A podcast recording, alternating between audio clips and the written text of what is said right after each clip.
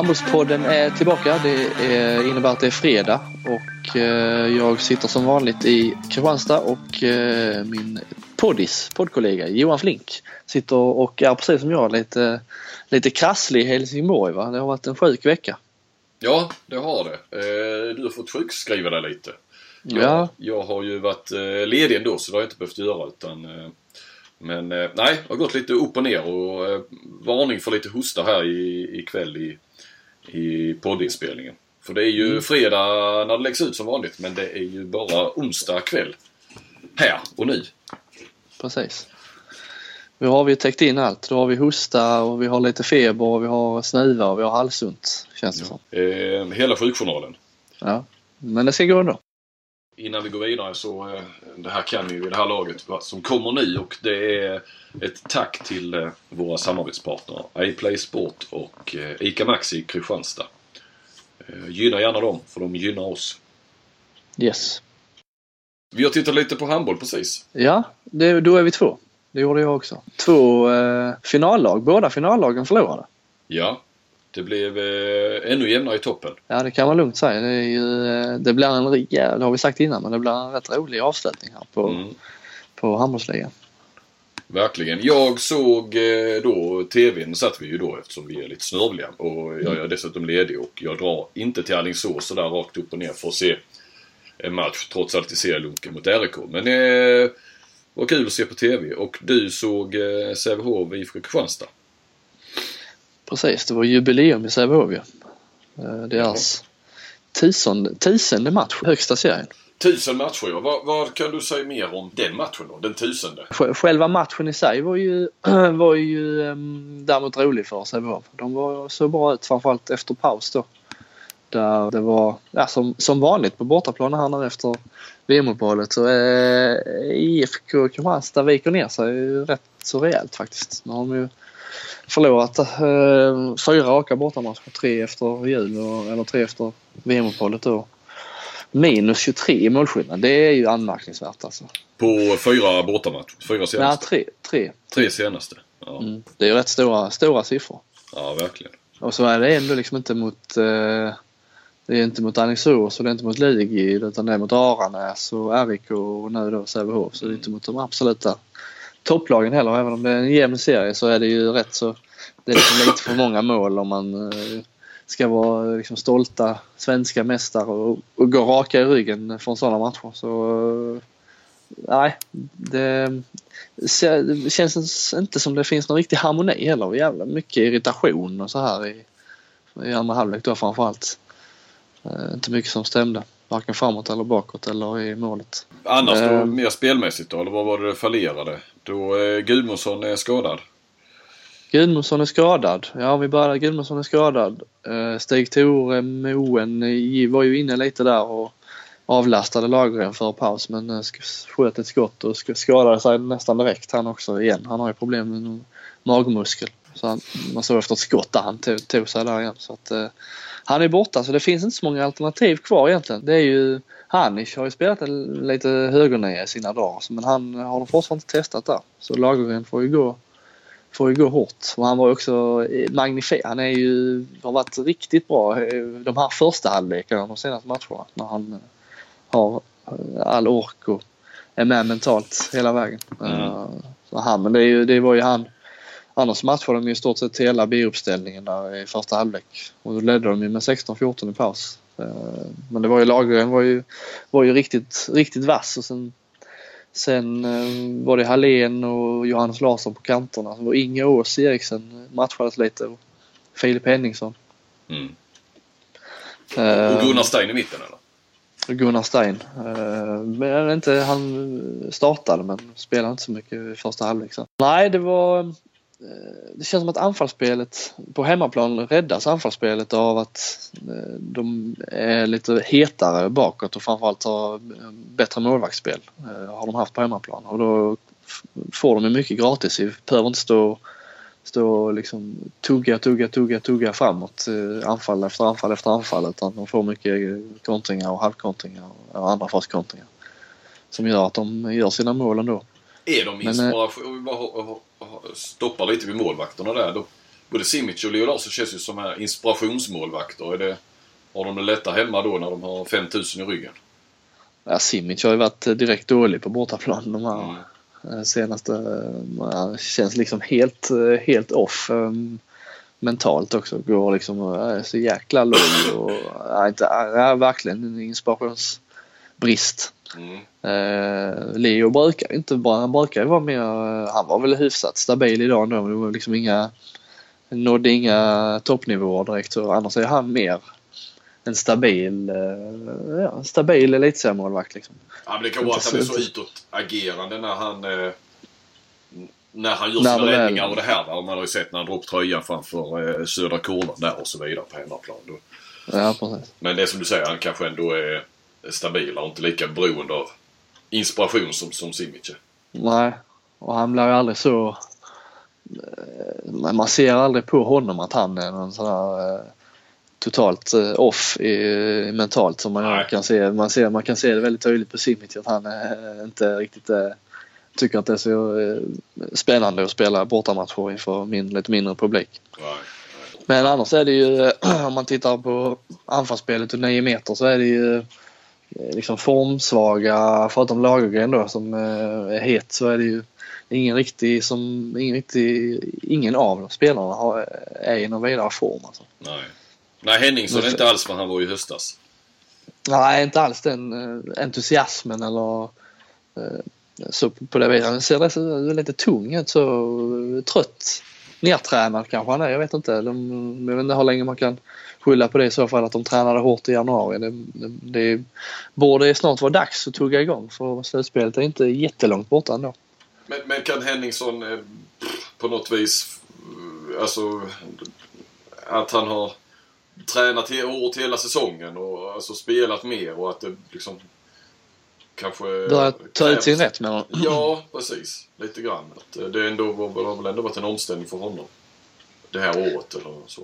Ja, och sen är det kanske lite så man kommer upp, han spelar eh, elitseriehandboll första gången man liksom eh, eh, motståndarna känner till honom så bra. Han är eh, tänd som tusan i början. Liksom allt är nytt och det är häftigt. Sen kommer han väl också in i en lunk. Mm.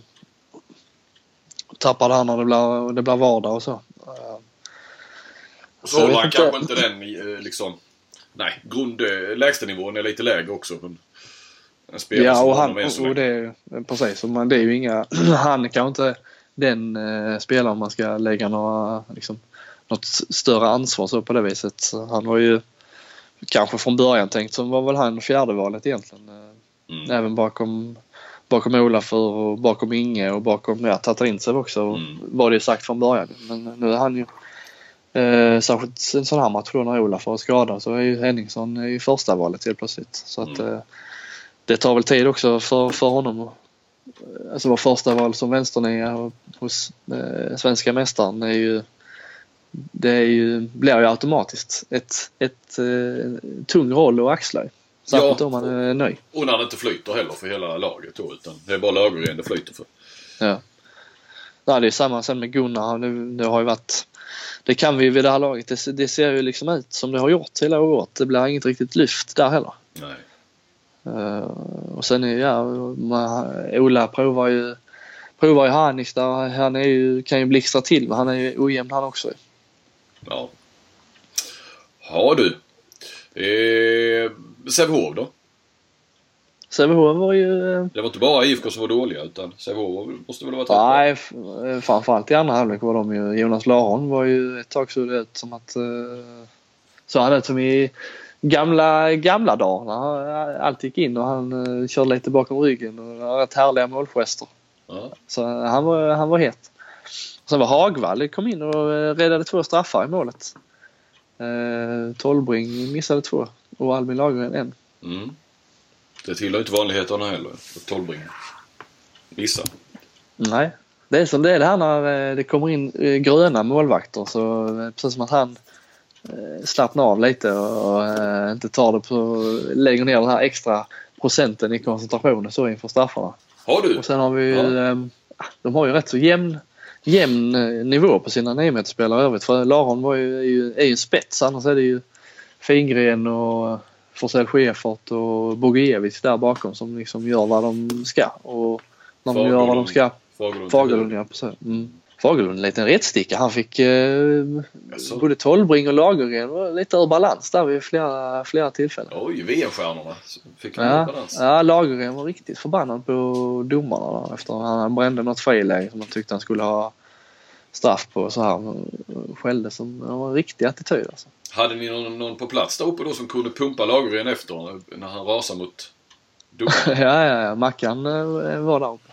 Kan han mjölka ur en sån Bokvist-sågning tror du? Ja, det, det tror jag är helt omöjligt. Ja, det kommer nog aldrig hända igen att någon står för den. eh, Då får man stå nere vid sekretariatet och försöka fiska upp något citat vad som skriks eh, där. För han var rätt irriterad på, jag vet inte om han var irriterad på någon delegat eller om det var Sävehof-bänken han var irriterad på. Men han stod, stod och skällde där. Så då hade man fått stå där nere och fiska. Ja. ja, det kan vi inte ens begära eh, Marcus. Nej. Eh, Det är svårt. Han ska ju sitta och eh, hamra på tangenterna under matchen. Ja, ja, visst. Och bygga sitt varumärke som Marcus. ja, precis. Undrar vad det stod då när han kom där och skulle akkreditera. Om det bara stod Marcus när han skulle... Eh, Inte ens Marcus KB nej, utan bara Marcus. Ja. Alla vet. ja. Jaha, Men eh, mer kring den matchen då? inte mer än, eh, än att IFK, jag undrar, jag twittrade där eh, i paus eller slutet av första halvlek. Men man ska aldrig twittra så, för det får man alltid igen. Då skrev jag att eh, IFKs B-uppställning behöver bara Lagergren för att se ut som ett givet finallag. Det tog inte många minuter innan den sprack sen. Nej, så tänkte jag fan, ska jag behöva radera den nu eller man får väl någon retweet här nu under kvällen. Ja, får du leva med. Nej, du får inte fega ur och addera. Nej, det tar de. Jag ska... Jag är besviken inte varken eh, Jesper Skog eller eh, Ville där i Ethöna. De- Ingen av dem har retweetat den men eh, ja, det kommer. Ja, ja det kommer nu som ett brev på posten. Ja, de brukar ha koll där. Mm. Nej, annars så, så vet det fan. Alltså det, IFK är alltså, de är inte några givna topp två, ett topp två-lag. är De absolut inte. De är inte säkert de får hemmaplansfördel i en semifinal ens. Och det, det ligger liksom, eh, vinner de inga bortamatcher så Alltså det är ju fem, fem, kanske sex lag där som slåss om de fyra första platserna så att eh, det känns inte helt givet. Nej. Att de skulle hamna ens topp fyra. Alltså då eh, så slår de väl eh, Zagreb då på, i helgen va? Ja exakt. Det är kanske en liten brasklapp när man sågar deras Ja. Deras insats. De har ju haft Rhein-Neckar nu i helgen och de, hade, de har Zagreb i helgen som kommer. Så att, eh, det finns väl eh, lite rester i benen från eh, Löven-matchen och det finns väl lite tankar kanske på eh, Zagreb-matchen. Så att, eh, det ska man kanske ha med sig. Det är viktigare att slå Zagreb på lördag än att slå Sävehof borta än eh, onsdag. Men de är nog rätt sugna att sluta topp två ändå. Ja, alltså det är rätt viktigt. Ja, det är ju det. Det är ju det.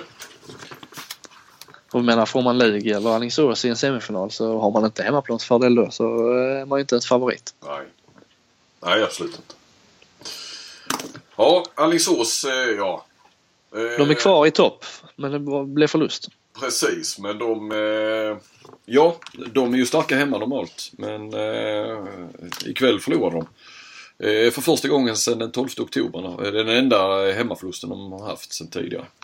Eh, Redbergslid eh, imponerade på, Mm. på många sätt. Suta var, eh, in, intervjuades ju direkt efter och, eh, av TV där. Eh, och eh, han sa direkt, det var bara ett lag på banan idag.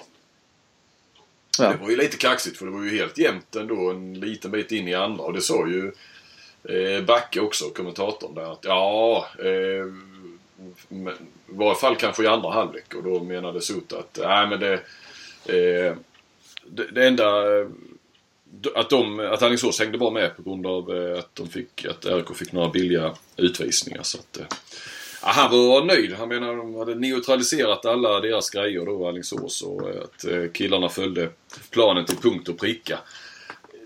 Mellan raderna, eller ja, det får man väl säga, så säger väl Sutta att det var en eh, coachseger med, med de orden. Kan man inte se det så? jo, så kan man säga det. Det är väl ett sätt för Eh. tränarna att säga att de vann eh, coachmatchen totalt. När, när, de, när man säger att man neutral- neutraliserade motståndarnas alla saker och att spelarna följde matchplanen till punkt och pricka.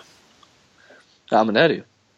Det är ju klassiskt. Sen när de hade man förlorat så, så är det ju tvärtom. Då följer man inte matchplanen. Så då var det ju spelarnas fel. Ja, ja, precis. precis. Så det är så när man, när man vinner så eh, säger man alltid att matchplanen satt där den skulle. När man förlorar så var det matchplanen. Ja. Som, eh, det var inget fel på matchplanen. Det var spelarna som inte följde.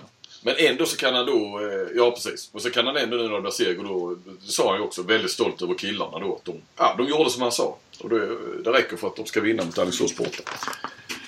Fan, det låter lätt ibland att vara tränare. Gör, spelare gör som man säger. Så, Ja. Har du hört Ola Lindgren säga det någon gång? Ja, men jag tycker det säger de hela tiden. Vi, eller i alla fall spelarna säger eh, vi gjorde inte som vi skulle. Det, Nej. det, jag tycker det, det är det vanligaste man hör efter förlusterna. Vi gör Ja. inte som vi ska. Vi springer inte. Nej. Vi, vi slutar springa på kontringen. Ja. Eh, ja, ja. RIK vann och det var faktiskt första gången på över 10 år som de vann i Alingsås. Och eh, överhuvudtaget har de haft jättesvårt för Alingsås. Eh, de har ju två rejäla förluster den här säsongen och innan den här matchen så hade de bara vunnit en av 13 möten med Alingsås RIK. Så det var ju en, eh, en överraskande seger så sett ju. Men eh, RIK är ju bra, det, det har vi ju sett. Ja, och en sån här seger gör ju att de visar att eh, de är ett topplag. Liksom. Ja. Ja, nu har de slått liksom eh, både IFK och Alingsås här på, på kort tid. Men och rätt klart. Eh, IFK körde de ju över och nu vann de ju eh, klart mot Alingsås också till sist. Så att de blir, det är inget lag man vill möta i ett slutspel. Så absolut inte i en kvartsfinal redan.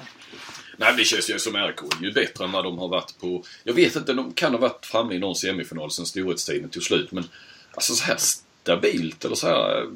Alltså det är ju... Så här bra har inte RIK varit sen, ja, där 03-04 någonting tror jag. Nej. Då var de ju fantastiskt bra också, ska vi ju ska vi tillägga. De åren ju. Eh, Men sen tog det slut. Men sen har de ju... Nej, det känns som de har steppat upp en nivå eh, den här säsongen faktiskt.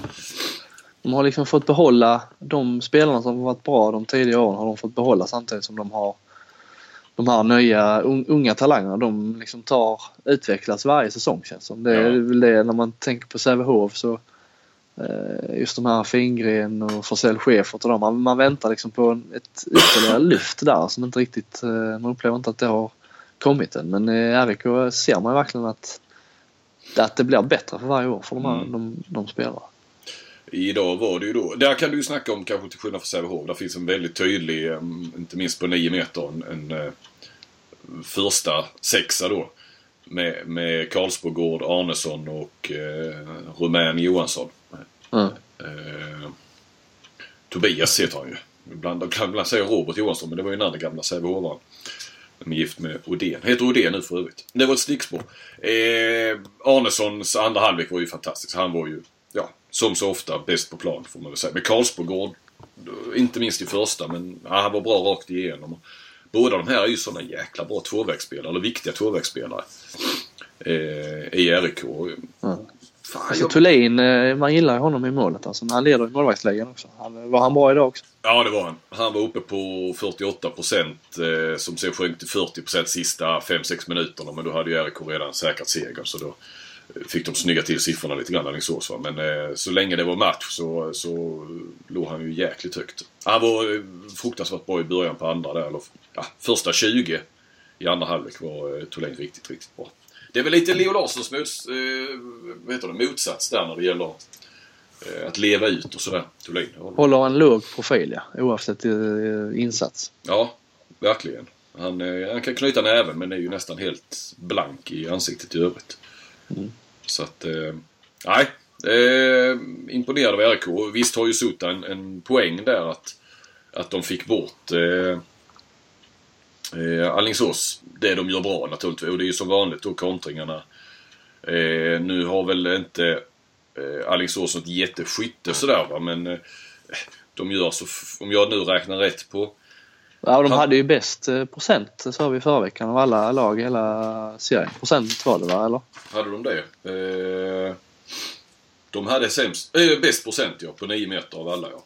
Den låg då på 52 procent. Eh, avrundat lite uppåt. Idag landar de på 16 procent för 9 meter. Om jag ser de här röda och gröna plupparna på handbollsligans eh, statistik där. Om, de, Nej, Den är säkert helt korrekt, Flink. på pdf-sidan där ja. precis. Så där finns det ju lite grejer att hämta och jag tror till exempel, nu ska jag se här, plocka fram. Eh, nej, men på tal om kontringarna så om det står rätt där så hade alltså Alingsås en första fas kontring.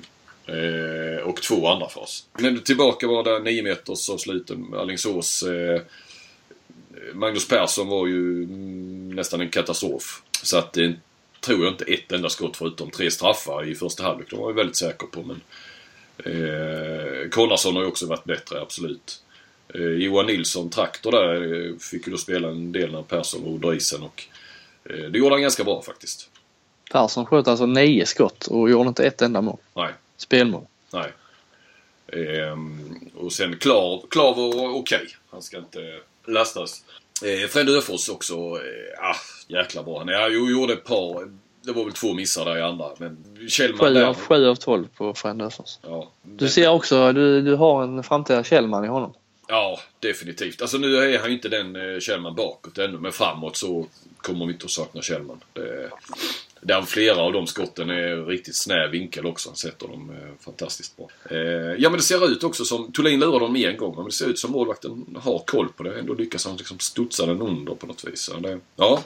RKs vänstersexa, Emil Mellegård, har vi väl lyft här lite grann nu. Han var högt upp på talanglistan. Han hade ju väl bakom Klav och Alfred Jönsson. Men han såg vi inte så mycket av i, idag alls faktiskt. Men ah, jäkla storlek det är på honom. Alltså det är nästan lite, lite franskt. Eh, fransk storlek på honom faktiskt. Ja, det står 1,91, 88 kilo står det i, i, i den här guiden vi fick inför säsongen. Ja, Ja, det, var rätt så, det var rätt så långt, långt för att vara kantspelaren då, Mm. inte? Ja, men han känns som eh, en jäkla kraft eh, så också. Så där har du ytterligare en vänstersex som är åt Kjellman-hållet. Eh, vi får återkomma där. Han har en bra utdelning. Det kan vi ta sen när vi går igenom eh, siffrorna vi fick av Martin Johansson. På det hela taget, ja. Eh, så jämnade till sig toppen och gjorde det bara ännu mer kittlande. När, när ni lyssnar på detta så har vi Lugi förmodligen vunnit över Skövde så då vi, är de ju nya serieledare. Mm, mm. Men det känns som att det var, det var det sex lag du hade där i början det som du fick lite skit för att eh, tre, sex lag skulle dra ifrån? Var det inte det? Det hade jag, men jag hade väl fel på ett lag va? Jag hade... Är fel lag men ändå nu känns det som att det är sex lag. Det var väl eh, Ystad du ville ha med där uppe och RIK du inte ville ha med eller var det Ja. så var det va? Ja, eller ville och ville, men det var det jag trodde det var. Ja. Eh, nej men så var det väl. Jag trodde mer på Ystad än på RIK. Det har ju, ja, Ystad är ju en besvikelse men RIK är ju verkligen... Det är inte det att de är sexa heller utan det är, de fan går ju mot ett topp 4 placering kanske. Eh, men kul också RIKs, eh, det här 3-2-1 kan vi väl kalla det. Att, fan man tycker att det ser glest ut och att det blir luckor men eh, ja, när de får till det så är de ju ändå där överallt. Ja, de måste vinna, vinna sin... Alla spelare måste liksom vinna sin kamp hela tiden. Mm. Eh, Och gör de det då och lyckas få motståndare så de inte kan komma i fart så, så är det ju jäkligt effektivt när man ser det. Alltså. Mm. Stoppar upp och motståndarna får aldrig något riktigt flyt i anfallsspelet. Nej, nej visst. Och som sagt Arnesson där är ju också bra som tvåa. Mycket eh, tatueringar för övrigt på RK där. Eh, Mycket Lite här- topplag där kanske? Ja, men du vet de här, vad heter det? Arm, sleeves, eh, sådana tatueringar är det ju mycket. Både Arnesson och eh, Johansson på 9 meter där ju. Och heter han Weglin också, mittsexan. Han spelar ju mer försvar då, ju trea i försvar. Så har vi ju eh, hårband på Johansson där va? Jajamän. Ja, En av de mer med, med hårband det är ju lite innebandystil så. Har man både Ja. tatuering och hårband så hade man platsat i vilket innebandylag som helst i högsta serien. Ja. Jag började fundera lite grann på Thulin där, för han ser man ju inte hans armar, men jag tänker, det kanske står Norwich över hela hans kropp. Alltså han har tatuerat in Norwich över hela kroppen. Jag tror inte det, det, passar inte in på hans, eh, hans aura. Nej, nej, men vilken jävla, vilken skräll det skulle vara. Om man har någon sån... Ja, det hade varit, det hade Norwich- varit en grej. Norwich-legendarer då. Eh, på ryggen där med, är, vilka är det? Johan Elmander och Martin Olsson spelat där. Ska vi kila vidare här? Du slänger in ett eh, moment. Eh, inspirerad av förra veckan när du var i Stockholm eller? Ja, jag var ju på Breaking News. Mm. Eh, Filip Fredrik på femman. Det, är- det är väl det enda nyhetsprogrammet man behöver följa på kvällarna. Så att, eh, och jag tänkte, ja, så fick jag lite inspiration där. De kör ju en sån här eh, femling eh, i början av varje avsnitt. Fem, eh, fem saker som eh, eh, Sverige borde prata om. Och, men då, vi byta ut det då så vi kör liksom handboll. Mm. Fem saker som hela handbollssverige borde prata om.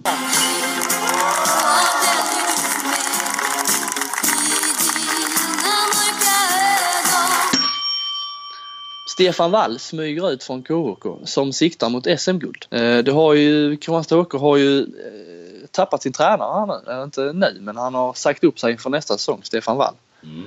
Eh, det var ju egentligen oklart redan i somras om han skulle ta över som huvudtränare överhuvudtaget eller om han skulle ha ett mer etablerat namn bredvid sig eller om han skulle ha någon mentor och så här. Det pratade de ju länge om. till och med Helle Thomsen där dök upp som ett namn som KHK var ute efter. Nu, det blir aldrig någon mentor och det blir aldrig någon, uh, något mer etablerat namn heller vid sidan av honom eller framför honom. Uh, och ända sedan början egentligen har man ju nästan förstått att de vill ha en uh, mer etablerad tränare till nästa säsong. Mm. Men nu var det han själv som sa att han har inte tid i jobbet, han hinner inte med med jobbet och det gjorde han väl kanske rätt i. Då var det han som tog beslutet. Han, annars hade KHK säkerligen eh, tagit samma beslut lite senare. Det kände väl han också på sig kanske. Men han har väl gjort rätt bra ändå? Ja, jag skrev också det i, eh, i bloggen. Jag tycker att eh, visst, det har ju varit några riktiga djupdykningar som förlorade med 20 bollar mot Sävehof hemma. Det, det fick ju också lite effekter känns som. De var ute i, i vår tidning bland annat och tyckte de förtjänade mer publik där. Så var det ju inför den uh, Sävehof-matchen. Så förlorade de med 20 bollar liksom. Så det var inte den bästa reklamen. Så, uh, så folk har liksom lite så uh, Alltså man har den attityden att fan kom hit och titta på oss. Men uh, så har man liksom inte riktigt svarat upp, svarat upp till det. Men samtidigt tycker jag det är en annan Trots den här djupdykningen så är det ändå en annan stabilitet i spelet. Och de är liksom de ligger ju, är ju klara för slutspel i stort sett och de har ju chans att bli topp fyra till och med. Ehm, så att eh, jag tycker inte han har något att skämmas för Wall om man ser till helheten. Vem, eh, vem tar över då tror du? Ja, det är ju frågan. Mm. Har vi något bra namn? Nej, de som dyker upp sådär bara, men det gör de väl alltid när, när i damsammanhang och så. Det är väl bagaren såklart och Rustan Lundbäck. Rustan, ja precis. Det, det känns som att Rustan hade varit jag tror inte de eh, får honom men hade de fått honom det hade det varit eh, överst på listan hade jag haft honom i alla fall. Ja. ja du är lite sugen på bagaren med. Gå i lite clinch med... Bagaren hade varit roligare på något sätt. Ja. Mycket roligare. Det hade varit eh, coolt ju. Marcus Olsson dominant men i total medieskugga. Olsson, gamla IFK-spelaren, går mot sin bästa säsong någonsin får man säga i 888-ligan, säger man så? Den danska? ja, jag vet inte. Jag, jag tänker inte ge mig på att säga 888 på danska i alla fall, alltså själva siffran. men, eh, så ja, för Patrik Ekwall är väldigt bra på danska. Han, skulle mm. vi hört in i så fall. Mm. Men man säga. Nej, men Skian ligger i fyra där och Olsson kommer med i veckans lag. Han är igen eh, femte gången och han ligger sexa i skytteligan. 98 baljor har han bombat in. Sköter inga straffar heller. Nej. Eh, Marcus Dahlin ligger faktiskt nia där, 95 mål har han fått in. Också ett eh, riktigt lyft sen han lämnade Sverige. Och Tatarintsev gnetar på nere i Polen va? Tatarintsev gnetar också på. Eh, sju mål igen han alltså. Förra matchen. Men, men Marcus Olsson han känns ju samtidigt som han gör kanske sin bästa säsong så är han ju längre från landslaget nu än han har varit på flera år känns det som. Ja. Ehm, jag vet inte, det känns som att han hade tjänat på att vara... Hade han varit så här dominant i handbollsligan så hade man pratat om honom mer och man hade nämnt honom i landslagssammanhang mer än vad man har gjort. Så är det ju. Håller du, håller du med? Absolut. Alltså danska ligan är absolut har vi en viss koll. Det är väl handbollsligan, eh, förlåt handbollskanalen menar jag, som, som eh, uppmärksammar Olssons eh, storartade insatser i danska ligan. Men så är du inte med och spelar i Champions League så... Eh, nej, även om vi har nära till danska ligan och så vidare, eller till Danmark och så, så, eh, så känns det ändå inte som att, att, eh, att man har så mycket koll så, eller att... Nej, det hamnar i skuggan. Så är det ju. 26-åring tar över Aranäs, skapar massiv åldersnoja. Tony Johansson byter alltså Tyresö mot Aranäs. Den här Tony Johansson har jag inte mycket på. Men det är alltså, eh, det vi talar om en 26-åring som blir huvudtränare i högsta serien. Och eh, jag var ju ganska säker på att det måste han ju vara yngst med någonsin. Men eh, på Twitter är faktiskt Per Johansson var ju 25 bara när han tog över Kropps i, som tog sig upp i högsta ligan då. Eh, det året. Eller han var ju där till, han var ju nog bara 22 när han tog över men han var 25 när de tog sig upp i högsta ligan. Så han är fortfarande yngst. Var det Men per, ändå. per själv som noterade det? Det var Per själv som noterade Ja, detta. ja. Mm. Eh, det första man tänker är vågat av Aranäs. Coolt vågat. Eh, men man tänker också ganska snabbt på fan om, han, om vi har alltså en elitserietränare, en handbollsligatränare som är 26. Vad gjorde jag själv när jag var 26? Vad hade jag uträttat? Ja, du hade inte varit elittränare i fyra år heller som han har varit. Eh, det- känns som att han följer Per Johansson rätt bra där. Jag tror att han bara var 21-22 när han tog över Tyresö i division 1 och tog upp dem va, i Allsvenskan. Ja, och nu håller han ju nästan på att ta upp dem också i handbollsligan. De Ja. eh, ligger ju där på och nosar på, på kvalet ju. Men jag kollade faktiskt bara för att eh, jag blev nyfiken på vad gjorde jag när jag var 26? Mm. Och då, det, det, är- då är ju Twitter det bästa alternativet att titta. Gå tillbaka i arkivet. Och det, det var ju eh, därför jag ändå tycker att det platsar på listan. Det var ju för att då var du och jag på samma ställe exakt samma dag faktiskt. Den 22 februari 2000, vad pratar vi? 12? Jaha, så du var ju ändå på Twitter när du var 26? Ja, Twitter fanns ju inte när jag var 26 kan jag säga. Men, Nej, jag, jag kollade faktiskt dig också. Eh, vad gjorde du när du var 26? Men jag hittade inte. Du, jo, jag hittade. Du pluggade på Mittuniversitetet. Mm, kan det stämma? Ja. I alla fall enligt LinkedIn. Ja, men det stämmer ju. Ja, ja. Nej, jag slutade ju... Du slutade det året. Du slutade, du slutade slutade det året. Ja, så fyllde jag 26 på sommaren sen. Ja. Så då började jag egentligen som eh, i det här yrket kan man säga. Efter det. Där, jag fick, Ja. fick ju mina första jobb så. Jag, jag var ju 26 när jag kom till Aftonbladet. Ja. Ja, ja. ja, i alla fall när jag var 26 så var vi båda två i eh, Kristianstad Arena. Nämligen. Och, och så när eh, IFK förlorade mot Aranäs just. Ehm. Aha. Det var Kenneth Anderssons sista match som Precis. IFK-tränare. Ja. Ola Lindgren, han fick ju kicken, eller Kenneth fick ju kicken när han förlorade. Och Ola, som ju redan var klar till nästa säsong, eh, fick ju ta över där direkt. Precis. Men då var vi båda i Kristianstad Arena. Ja. ja. Kommer du ihåg vad du skrev på Twitter? Nej. Nej. det vill jag inte veta heller va? Inte? Eller? Nej men vad tänkte om Kristianstad förlorade mot? Så Man såg väl inte då som ett finallag till vård? Nej. Du skrev bland annat att få springa in här i Kristianstad Arena i orange tröja måste faktiskt vara rätt eftertraktat som elitseriespelare. Jävla drag. Ja, Du, svär, svär, du svär mycket. Sen skrev du där, bänkgrannen är fan i mig synsk. M. Olsson bommar precis allt. Då var inte Marcus Olsson eh, landslagsmässig med andra. Nej, nej. Usch, sv- svor ju mycket ja. Mm. Sen hade Inte ett annat, ett annat svordom med men det var ett citat så det kommer du undan med. Ja, det var ju bra det. Men Tony Johansson, eh, kan du hans... eh, Vad är han för tränare? Ja, eh, jag har pratat lite med folk så här nu idag. Bara för att kolla upp lite mer om honom. Han känns ju, det, det twittrade jag direkt och det, det, förstår man ju bara när man läser hans CV så att säga. Att, känns ju som ett av de mest intressanta tränarnamnen här är nu. Eh, nej, det var någon som beskrev honom, eh, alltså han är ju 26 år i, i eh, passet så att säga. Men han är som eh, 50 eh, i sitt sätt att vara på något vis. Oerhört noggrann och ambitiös och koll på, eh, på allting och sådär. Så att, eh, Mm. Där vi, eh, vi, vi sa innan där att Jerry Hallbäck när han byter till Ystad, eller byter till Ystad, att han kan ju vara med och kanske spela ner Ystad på något sätt där i någon kvalserie och kan liksom förstöra för sitt kommande lag. Mm, Det kan ju faktiskt bli också så här att Tyresö mm, möter Aranäs i ett, eh, en eventuell kvalserie. Det är ju inte omöjligt. Nej, Det är lite samma situation där. Lurigt. delikat situation. Mm. Ja, verkligen. Nej, men det var väl lite som vi var inne på också tror jag. eh, Efter att ha varit i Göteborgssvängen där och varit och snackat lite eh, med klubbarna där om att eh, man inte trodde att det skulle bli en någon etablerat, riktigt etablerat namn eller något av de vanliga namnen som tar över i Aranäs. Utan att, ja men det, det känns ju helt i linje då med detta och någon som jag menar Hallbäck har ju eh, jobbat på gymnasiet och varit nere ibland på lite junior och pojkar A-träningar och sådär va. Så att eh, det känns ju som jag menar, jag, jag kan inte Tyresö, men jag kan gissa att det är ett ungt lag såklart. Han har gjort bra resultat, men jag har svårt att se att det springer runt några speciellt rutinerade spelare där. Eh, nej, men eh, kul val tycker jag. TV4 Sports kompensation till IFK.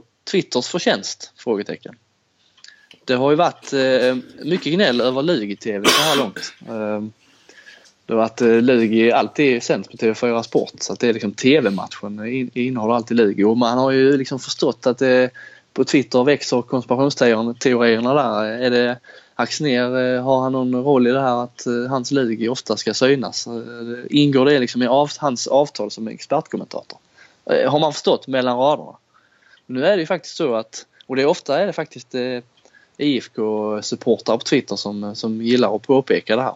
Mm. De drivit Eh, frågan. Kampanj. Ja, Mm. ja verkligen kan man säga. Men nu har ju efter VM-uppehållet så har ju faktiskt alla matcher efter med IFK då har faktiskt sänds i TV4 Sport. Bortsett från eh, den här kvällen då. Eh, fyra raka matcher. Ja. Nackdelen med det då är ju att gnället har liksom bytt. Nu är det inte Lugi-TV som är problemet längre utan nu är det ju att eh, Axner har varit expert i alla de här matcherna. Där Och- IFK har spelat. Ja. Ja. Och eh, de har ju förlorat flera av de här då, eh, ja Erik och Aranäs eh, Mm. förlorade de. Men då är det, det, man, det, liksom, det har blivit en allmän kännedom här i, i vårt område att Axnér inte gillar IFK speciellt mycket när han eh, kommenterar dem. Att han är mer kritisk mot eh, Kristianstad än mot något annat lag han kommenterar. Men då har han råkat också kommentera då två förluster för IFK. Ja, men eh, det spelar inte så stor roll här vet du. För att även om de vinner så eh, hör man, jag hör ju nästan aldrig Axnér när han kommenterar hemmamatcherna eftersom man själv Mm. eh, brukar vara på plats. Men eh, jag vet eh, brorsan till exempel frågar mig efter varje, nästan varje match som Axnér har kommenterat. I, vet du det, gillar inte Axnér IFK eller var, varför är han så sur på dem alltid när han pratar?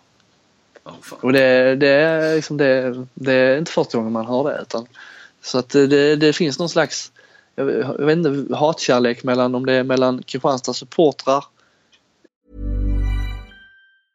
Ready to pop the question? The jewelers at BlueNile.com have got sparkle down to a science with beautiful lab grown diamonds worthy of your most brilliant moments. Their lab grown diamonds are independently graded and guaranteed identical to natural diamonds, and they're ready to ship to your door. Go to BlueNile.com and use promo code LISTEN to get $50 off your purchase of $500 or more. That's code LISTEN at BlueNile.com for $50 off. BlueNile.com code LISTEN.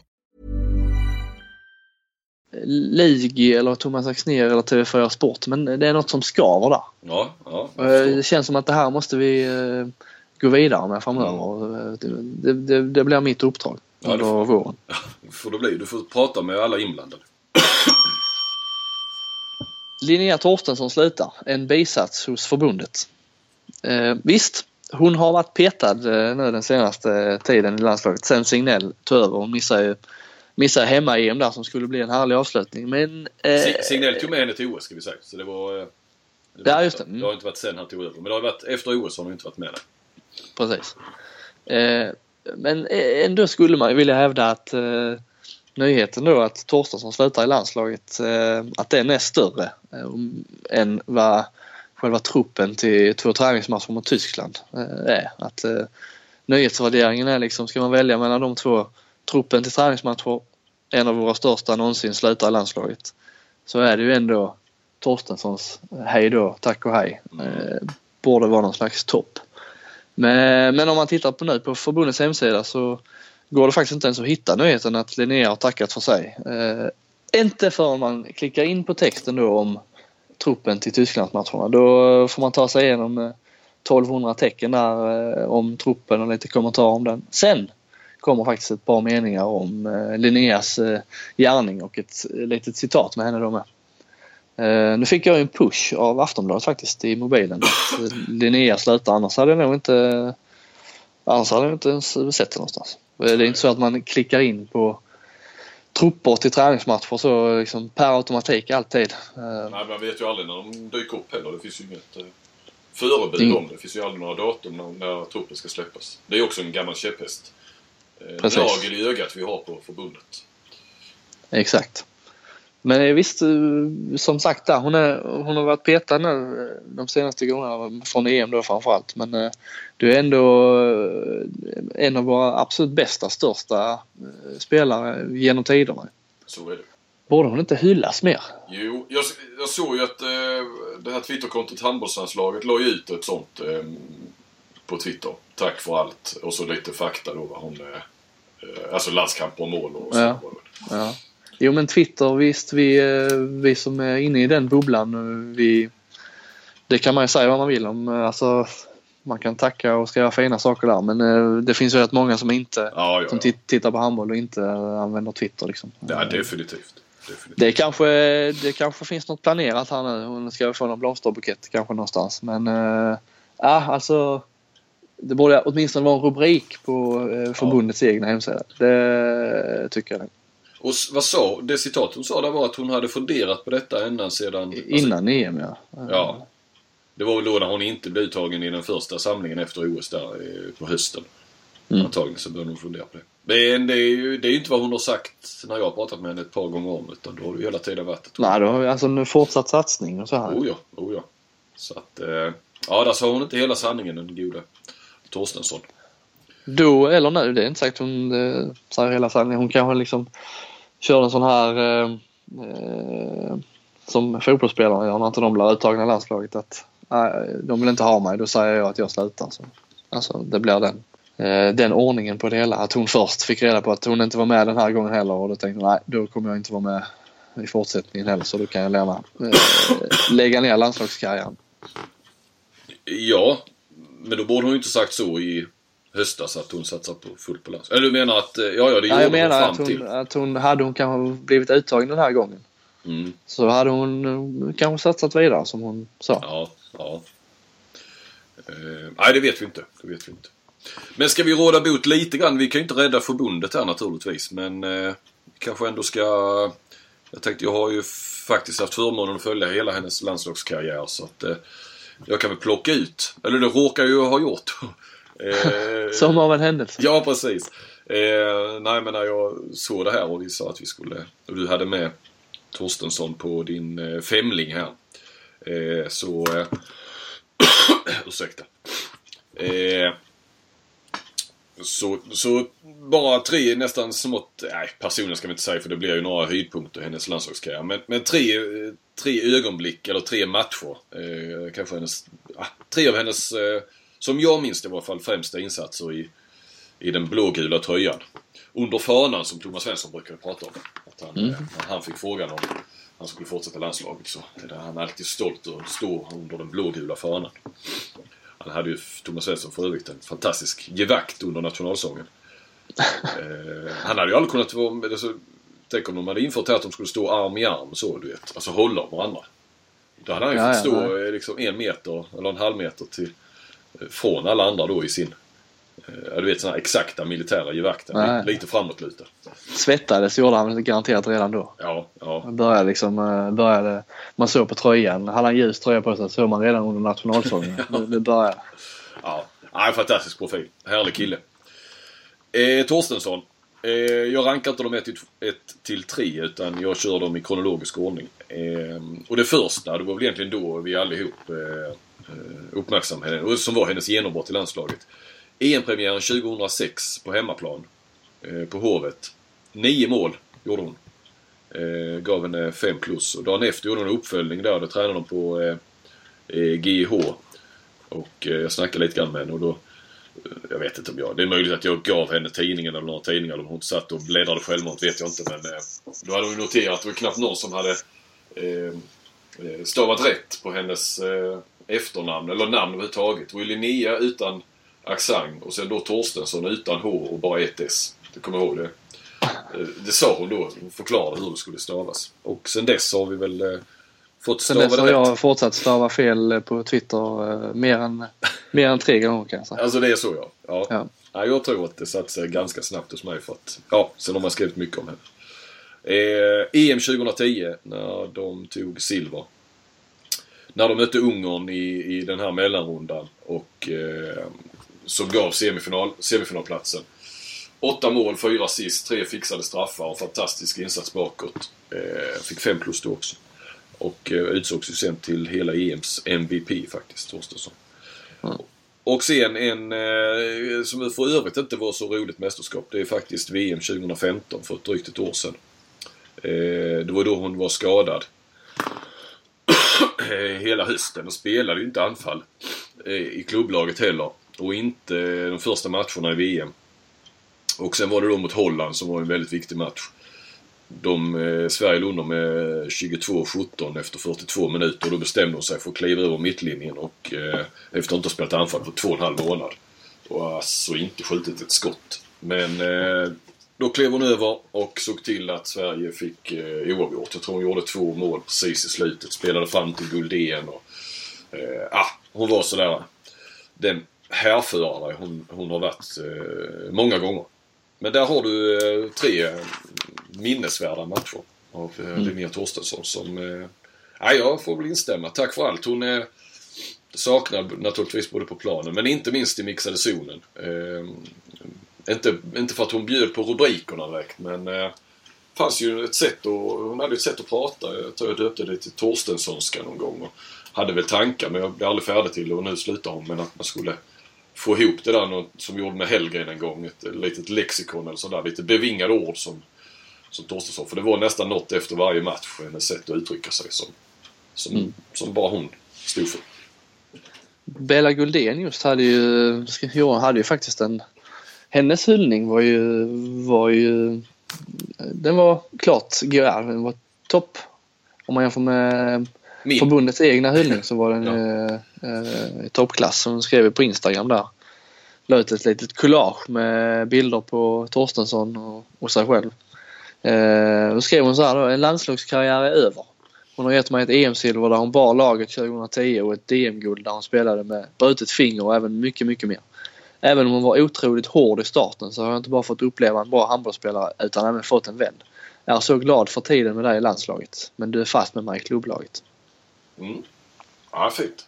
Det säger lite där också att hon var liksom det var lite go, alltså hon var hård, lite hård i starten skriver hon här Bella. Liksom den, det är den bilden man har fått också att hon är liksom eh, lägger inga fingrar emellan Nej. på planen och inte mm, alltså med sina egna. Det är inget daltande så med, med lagkamrater. När det väl eh, liksom brinner. Hon och, och Bella Gullén är ju väldigt stor skillnad på så sätt känns det som. Som personlighet och så faktiskt. Mm. Jag försökte ju där för några år sedan och fick för mig lite grann. Det var aldrig någon som sa någonting om det. Det var kanske bara så jag försökte se att, att Guldén och Torstensson inte riktigt, att de inte drog jämnt riktigt faktiskt. Men eh, det, där var jag fel ute helt enkelt. Jag bara försökte se sådana att de liksom på plan och sådär. Men det var nog mer att de bara var olika, alltså olika personligheter på något vis. Ja. Men två av eh, de två är väl de största vi har haft på 2000-talet får man nu lov att säga. Mm. Jag klämmer in en, eh, en joker med här i, i Femlingen. Som Femlingen blir sexling, ja. ja. Vann i landslaget. Som enda debutant. Ja, det är klart du måste ha med den. Ja, den är liksom, den är, om Linnea var överst på listan så är Vanne liksom eh, lite mer upp. Ja, han är över. Han är högre än etta eller? Han är högre än etta. Ja. Men eh, nu får vi äntligen eh, se honom. Om matcherna nu sänds. Men det gör de väl någonstans. Det vet, eh, vet jag inte när här. Nej, men det får vi väl hoppas. Nej, jag har heller ingen aning om vilka. Men brukar det inte vara TV4 som har dem där?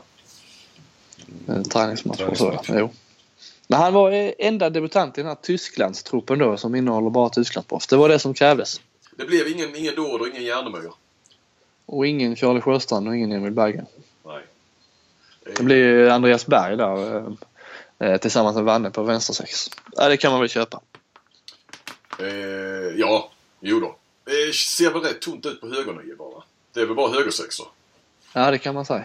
Det är ju Zachrisson eh, är väl den enda som uh, spelar lite högernia. Och vilka sen? Var det Ekberg, Daniel Pettersson? Hallén. Hallén. Ja. Eh, men annars så väl rätt så hyfsad trupp får vi lov att säga va? Ja, det tycker jag. Anton Lindskog är tillbaka. Anton Månsson kom också med. Mm. Eh, men då, ja, och vilka Rätt cool trupp. Ja. Vilka är det mer på mittsex då? Anton Månsson, Anton Lindskog och Niklas Barud. Ja. Göppingen. Där är väl också, får man väl lov, med all respekt för dem, försvagat från eh, VM. Där är ju Ja, eh, det kan man säga. Ingen av VM-spelarna. Nej. Nej, annars är det ju mittnej. Det är ju Gottfridsson och Freiman är ju lite kul och sen Lukas Nilsson vänsternej eh, given där. Sen är det Stenbäcken bakom honom. Mm. Och sen är det ju högernej då med massa, eller högernej högersex som de har skrivit. Mm, Hade Marcus Olsson spelat i Bundesliga så... Ja, du vet, då hade han inte gjort åtta mål per match kanske. Men eh, då hade han nog varit med här. Det hade han ju garanterat varit ja. Mm. Och sen målvakterna är ju våra VM-målvakter. Ja, precis, precis. Ja, nej, det är annorlunda med de premisserna på något vis. När man tar ut. Ja, verkligen. Ja, men det är rätt. eh, Jag, jag gillar det på något sätt. Det blir lite... eh, Ja, eh, inte. Det blir lite hockey-VM över det tycker jag. Mm. Mm. Med hockey-VM tar de ju på så jäkla stort allvar fast det bara är spelare från, från Europa eller svenska ligan. Men det är lite kul med sådana här matcher.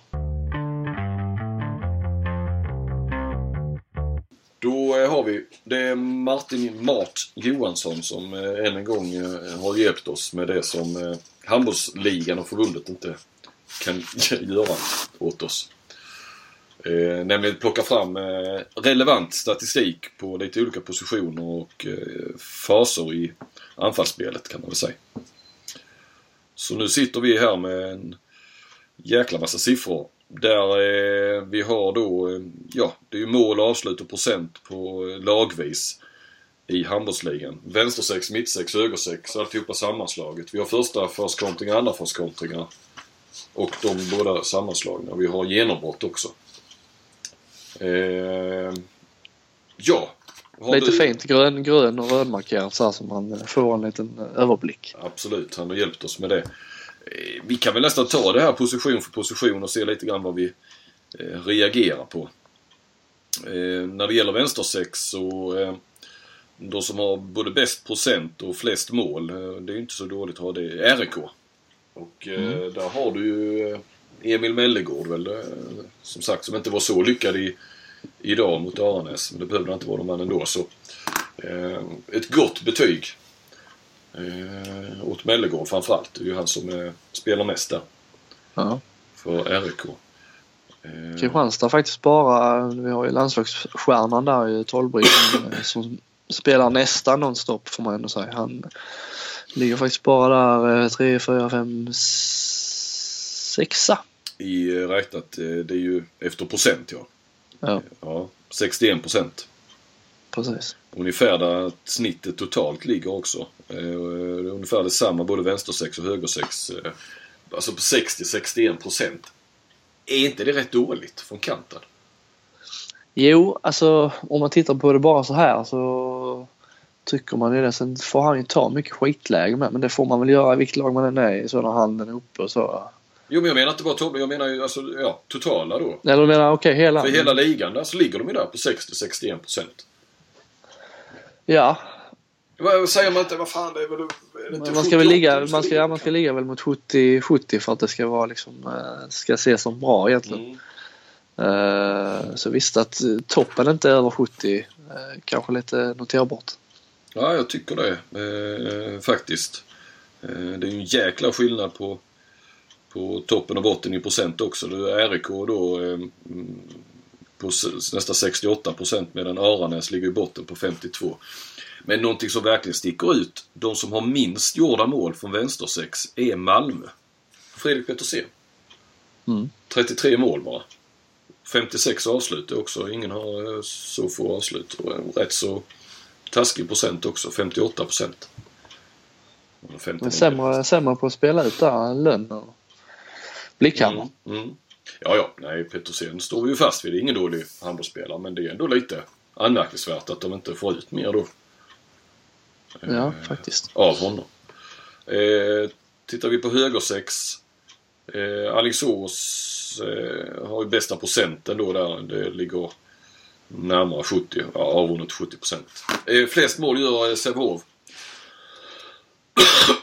på 66. Flest avslut. Klart flest avslut har Guif. 106 avslut. Mm. Kan Emil Hansson. Ja, precis. Den gamla IFK där ja. För din Ja. del. Mm. Eh, medan Skövde då har mindre än hälften så många avslut. Eh, bara 52 stycken. Karlskrona är mycket rött på Karlskrona. Minst antal mål och sämst procent. Ja, från högersexa. Ehm, har vi en titt på, på mittsex där så eh, eh, där ligger ju faktiskt eh, IFK Ystad i topp. Eh, och det är ju han ju. Eh, vår chokladkille ju. Det var ju han vi pratade om sist. ja, just det. Eh, Kvick. Ja. Knudsen som spelar in. Eh, 80, 80 ja, det är en bra procent ändå ju. De ska ju ligga där mittsexorna. mm. Och där ligger snittet för hela ligan på 74 procent. Och det är, ja, ja, det kanske är okej men jag tycker inte det låter jättehögt för mittsex. Ja, men 80 är ju rätt bra ändå. Ja. Sävehof eh, har flest avslut och flest mål eh, från mittsex också. Precis som man har från högersex. Och eh, slår du ihop alla 6 meters där, vänster 6, mitt 6 och höger 6 så är det Sävehof i topp. Både flest mål, flest avslut och högst procent. Aranäs i botten. Det är de gamla rävarna där, Ottsson och Fridén, Sävehof. Mm. De kan man alltid räkna med känns som. Ja, precis, precis. Och sen har du In, Ingolfsson är ju vass med Ja. eh, avslut. Ja, eh, starkt där på eh, exakt. Aranäs har desto större problem då, sämst procent. Eh, 59 procent bara från 6 meter. Det är ju inget vidare. Nej, det, det är inte faktiskt. Om man än tänker och analyserar så är det, det är för lågt. Mm. Kristianstad är ju inte riktigt med i toppen någonstans. De ligger tvåa i procenten på, från mittsex med Mars ut på Mario och eh, Freyr. Islänningen då. Arnar Freyr Arnarsson. Ja, precis. Annars är de ju lågt både på högersex och vänstersex. Sexa i båda de eh, om man tittar procent alltså. Mm. Du går vidare med kontringar. Mm. Där har vi första fasen. Där har vi några grejer som jag tycker sticker ut. Ehm, där är just IF... Nej, för fasen. Ja, de har bäst procent. Men det Ja. som sticker ut sådär positivt där är ju Alingsås. Kanske inte oväntat. 92 mål har de gjort. Det kan då jämföras med de som är i botten på antal mål i, från, eh, i första fas. Det är IFK Ystad, det är Karlskrona och det är Guif. Ja, Guif är oväntat faktiskt. Ja, men gamla hederliga kontringslaget Guif. Med sina små snabba spelare där. Eh, Alltså det, de är ju rejält långt efter. Alltså 92 eh, kontringsmål mot 35. Det är rätt stor skillnad. Ja men det är ju nästan bara en tredjedel så många kontringsmål. Mm. Eh, Det är samma där Kristianstad som man tänker ska... ja, De springer och de springer och gör kontringar och kontringar. Men de Ja. har faktiskt bara gjort 60 mål ja. Eh, i första fas. Kontringar. Eh, Exakt, vi kommer till andra fas. Men eh, Alingsås sticker ju ut överhuvudtaget för att det är väl Aranäs är ju tvåa på 65 då jämfört med Alingsås 92. Nej, Skövde har 89, förlåt. De två sticker ut, Skövde och Alingsås. Ja, lite hostvarning var det i den här podden som sagt. Nu eh, hostar jag igen. Andra fas har också någonting som sticker ut. Eh, Alingsås givetvis eh, där, 58. Och där eh, sticker de ju ifrån eh, alla andra. Där är Aranäs tvåa på den, över antal mål nu snackar vi. Eh, 38 mål. Men de är ju en klass för sig. Och tittar vi sen på eh, de som har gjort minst mål i andra fasen så har du dels så har du ju då bottenlag får man väl då säga, eh, Karlskrona och IFK Ystad på 13 då. Jämför det med Alingsås 58. Men 13 mål i andra fas enligt statistik, officiella statistiken har också Lugi. Mm. Är inte det anmärkningsvärt? Ett topplag Det är det faktiskt. som inte... bara, bara 17 avslut också. Ja precis, 17 avslut. Eh, exakt, jämför det med Alingsås Så det är inte så att man 73. liksom kommer och skjuter, skjuter, skjuter och kommer i fart. Utan man tar knappt några avslut. Nej. Kommer inte i andra. Det där hade väl Milosevic var väl en eh, riktigt bra andra spelare. Ja, ja, ja verkligen. Men jag menar 17 avslut eh, andra fas. Alingsås har 73. Mm.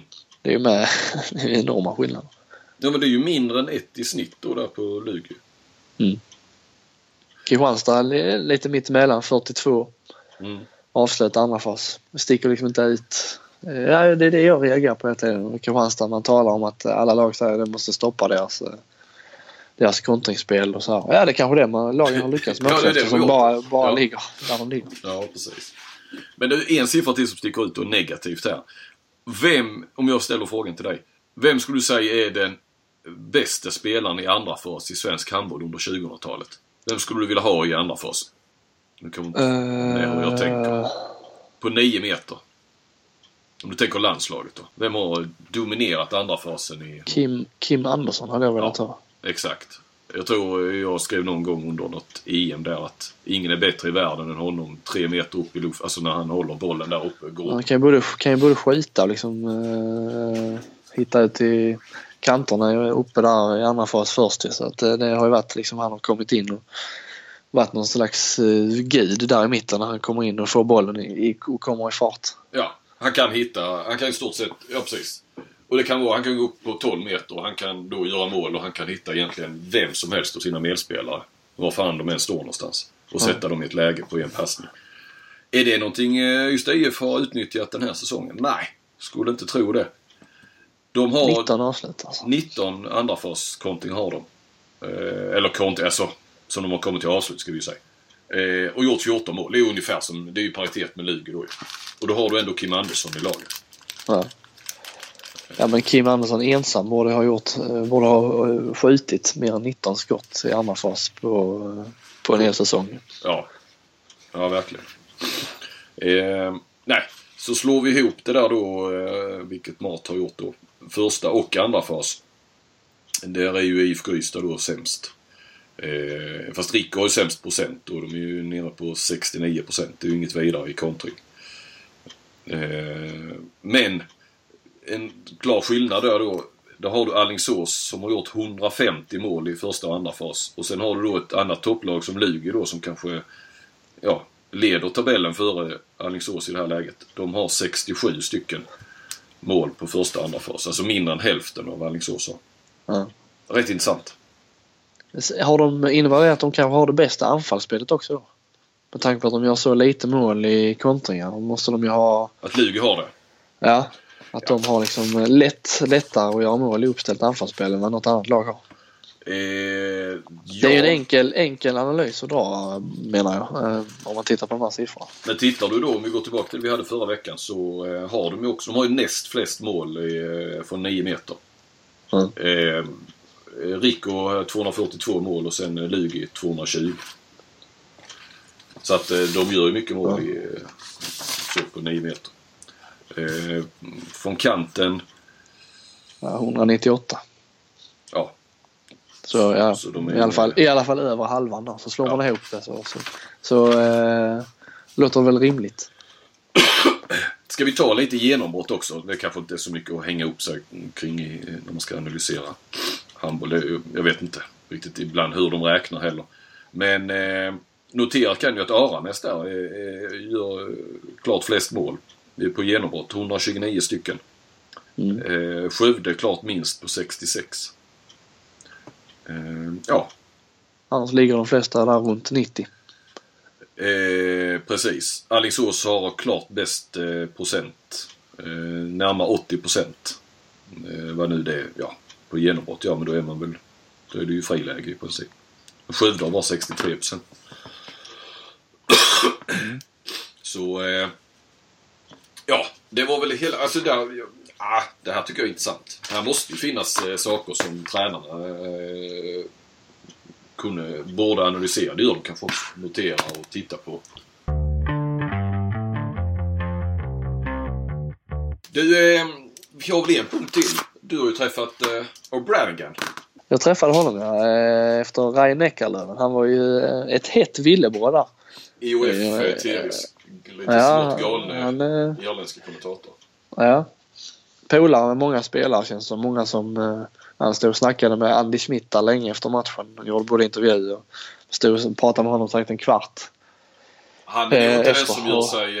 Eh, nej, han är nog inte den granskande eh, journalisten som eh, Nej, är beredd och, att... eh, nej precis. Och han mossade lite där på Kim Ekdahl Duré som haltade förbi med sina, med sina kryckor där. Mm. Eh, men jag pratade lite med honom. Han var lyrisk över att vara här. Så Men vi kan, ja. nej, han kommenterar inte O'Branigan utan han var bara där som någon, Ja, han intervjuade och så. här. ja, ja. Sa han någonting om pressfikat då? Eller? Han, var- jag vet inte om han var där uppe. Jag såg inte honom. Jag tror inte han var uppe i pressrummet Oj. faktiskt. Missar han ju kanske det bästa på hela, hela Ja, Kristianstad Arena. Fråga, fråga JP på Kvällsposten. Det var en god eh, brownie, eh, eller kladdkaka om man ska säga. Väldigt god. Men eh, ska vi lyssna till honom lite och se vad han, eh, vad han sa? Ja, han kan ju prata. Det kan man lugnt säga. Han kommer här. So the first time here. Match Yeah, of the week. ama- amazing, amazing. Yeah, I, I'm not even going to let you finish your question. It was just, it was incredible. I, first of all, I've been watching for the last, well, last season and this season, and I remember suddenly so Peter Brun from Denmark had said, "Oh, you got to see these the- these guys on home court. They're unbelievable." And uh, I remember looking last year and uh, seeing all this orange and thinking, "Oh my God, these these guys are crazy. This is a, an amazing atmosphere." And I really wanted to come, but you know, it's a team that's maybe not fighting for Yeah, of course, normal, you know. But in the end, when we originally talked about Match of the Week all those years ago, the idea was to educate people on all the teams everywhere. It wasn't just the big games, but it became the big games because, of course, everyone wants to see the big games. And I was so excited to come here to really see it uh, firsthand. And I'm just amazed. I look at all the kids. It's like it's like a football game. Every kid is in his orange Christianstad top. It's like, "Mommy, what do you want for Christmas?" Off Santa Claus. I want my I want a Christianstad top. You know, it's wonderful to see, and it's great to see that generation, young women at the game, young kids, mummies, daddies, all that generation uh, all together in in one arena, and it's. Uh, it's, it's, it was just brilliant. A brilliant arena. I haven't seen the town, by the way. I, I didn't get to see anything because it's too foggy today. But at the minute I walked in here, everybody in the club so welcoming. What do you need? What do you need? I mean, they've got a, one of the biggest games of their life today. Two points, not guarantees them last 16, but puts them on the road. And they're asking an Irish guy, what does he need? How, how wonderful is that? You know, that kind of hospitality when you're when you're on the road away from home and just everyone has been has been lovely today from the camera crew. I, I spoke to Jesper, the assistant coach, before the game. I, I just said hello to Ola. You know, I didn't want to get him. He was in his he was in the zone. And the players, you know, I think appreciating that they, they maybe got that spotlight for, for that one week. And I have to say, they didn't let us down. All right, they didn't quite get there in the end, but my God, you, you can see these guys fight for every centimetre on the court. It's just wonderful to see. And uh, some great Swedish players on your team too. Plus uh, that good Munson from Iceland. He was unbelievable today, you know. You've always got to enjoy watching Andy Schmidt play handball. I mean, he just is, he's poetry in motion, right? But the other guy I said was Lagergren because I'd seen him in the World Championships. And of course, I'd watched him uh, playing for Christianstad and I liked him. When I watched him in the World Championship, he just seemed to grow from playing with like all these really top, top players around him. And he just looked really, he didn't look uncomfortable, he didn't look out of place. And today, in the first 40 minutes, he was brilliant. I think the big problem for Lagergren today was no Moen to give him a little, a little break, you know. And so you could see, even though the coaches tried to take him on and off to give him a little break, it wasn't long enough, you know. And he just, you could see his physical condition. I mean, he's playing against Ryan Eckerloo, but it's not his physical condition. But 60 minutes at this level is. Plus, they had a big game on Wednesday, right? They had a Yeah, big game they had to win, or Thursday, right? That they had to win. So you know, it's not easy being, uh, and it's not easy being alone in your position. I mean, all in all, I don't know what it was in the end. 31-29. I mean, that's that's an incredible result for a team that wouldn't have the budget of some of the big teams, and they are always that close, aren't they? They're they're never out. They're never out of a game. It's it's it's it's amazing. I mean, they've really they deserved their place and they deserved match of the week. I thought they were. It was exciting for me, you know, up until about the last ten minutes. But you know, um, I think that uh, I, I their last three games are. I think they have Vardar away, right, and they have Zagreb away, and they've Kielce at home. Okay. Kielce at home is not is not absolutely for sure not possible that they can get a result, but that's going to be almost like if you were counting up points in your head, you say okay, zero points from uh, from Vardar and zero points from Kielce. You know, in the, in that kind of computer in your head. So now it's away to uh, to Zagreb, and Zagreb. They've been a bit of turmoil this season. They're still a really strong team, you know, because they're big and they're physical. And that's the difference. At home, they're even more physical than they are here. And if you think this arena generates uh, energy, the Zagreb arena, if, I mean, I don't know how many people will be there, but if it's a must win for Zagreb, it could be full. That is like Yeah. Really, really difficult. But listen, I would have thought that it would be difficult for uh, Kristianstad to win away to Salja. So now they know how to do it. So it's going to be difficult. But even uh, even if it doesn't happen, I know it will be terrible for Kristianstad. But uh, they've been amazing this season. I mean, they really, you can just see year on year they're building. And of course, they have to win the Swedish league to come back to the to the Champions League. And you just uh, would like to see that, but I think they'll probably lose some more of their players again, you know, because they are. There's a few players. I mean, that Simic guy in goal, it's just unbelievable. I can't understand why one of the big teams hasn't, like I say, the big, big, big teams, hasn't come in and said, let's give this guy a go. You look at Lagergren, you wonder. I don't know if, uh, if there's something already there. You wonder whether somebody's looking at him now and sort of saying he's so mobile. And of course, you're losing Jerry Tolbring next year to uh, Ryan Neckarleuven, isn't it? So. But that's the problem with being uh, a club like this, a bit like a club like Zagreb, a bit like Celje. You know, you, you bring all these young players through, and then somebody comes along and says, "Yeah, we'll take this guy," you know, and that's the nature of the beast. But uh, I'm amazed uh, that you're so good again this season after last season when you lost so many players. So yeah, You think um, Kristianstad is in the Champions League to stay if they can continue to compete and uh, win the Swedish league? every coach will tell you step by step, and the first thing is your bread and butter, which is your league. You got to win that, and if you win that, then you're in the Champions League. What I will say is that they are. Last year, I didn't think they deserved a place in uh, the group, the top group. When I first saw them, I said, "What? What's this? Who? Who? Who You, the hell?" you weren't alone. Yeah, who the hell are these guys? And uh, you know, I could see three or four other teams that maybe should have been there ahead of them. But when I saw them play and I saw their fighting spirit and I saw how good some of their players were, I said, okay, no, these guys belong here. All right, they're not going to win it, but they have a good chance to maybe get the last six, uh, place six, you know. So I thought they did great. But it's difficult, isn't it? Year on year, if you keep losing, where do you get the next uh, the next group of guys from? It, you know. So uh, I, I I would like to think that they have a good chance because they deserve to be in the Champions League for just the fact that so many spectators come and they have a great atmosphere. It looks good on TV, all that orange. You know, they're not well known players, but I think that they'll start to become better known. You know. So look, I like when any team kind of is an underdog, you know, like and, and, and they start to perform probably better than anybody expected. I love that. And I love that they can sometimes beat the big teams, you know, beating Ryan Eckerleuven here last year, beating uh, uh, Colding, against Kiel- Kielce. right, point against Kielce. You look this year against Brest, they were fantastic. Uh, they beat Celje, drew with Celje. You know, so, you know, there's, there's a lot of positives, but I would think tonight, after that game, the coaches maybe will take them a few days to realise that they were actually very good for a long time, but they will start to feel they'll want to right the things that are wrong. So look, you know, maybe this year the last 16 is out of is out of play, maybe not. But the one thing I would say is that if that happens, then they have to focus on winning the Swedish league so they come back because it is a it is a, a wonderful Swedish club, wonderful Swedish club. Yeah, Great. Thanks a lot. thank you very much. Ja, då var det dags att avrunda den här, eh, den här veckan, Flink. Eh, Det känns väl som att vi har eh, fått, vi har många siffror som rör sig i skallen och det snurrar här fortfarande på mig, tycker jag. Ja, ja, de här som vi fick nu i slutet. Ja, Det är ju inte, det ska vi väl också säga, att det kanske inte är jättebra poddradio. Att drar en massa siffror. För det är svårt att... Och även om vi försöker förenkla det och lyfta det som är det intressantaste så får man ju en annan överblick när man sitter med det framför sig och kan se det. Men jag hoppas ändå att, att eh, det ger någonting. Vi som sagt försöker ändå lyfta det som är eh, det viktigaste som sticker ut. Och eh, det går ju alltid att man kan ju spela tillbaka. Lyssnar man på det ett par, tre gånger så sitter det nog sen. ja. ja visst. De har podd för hela veckan här nu.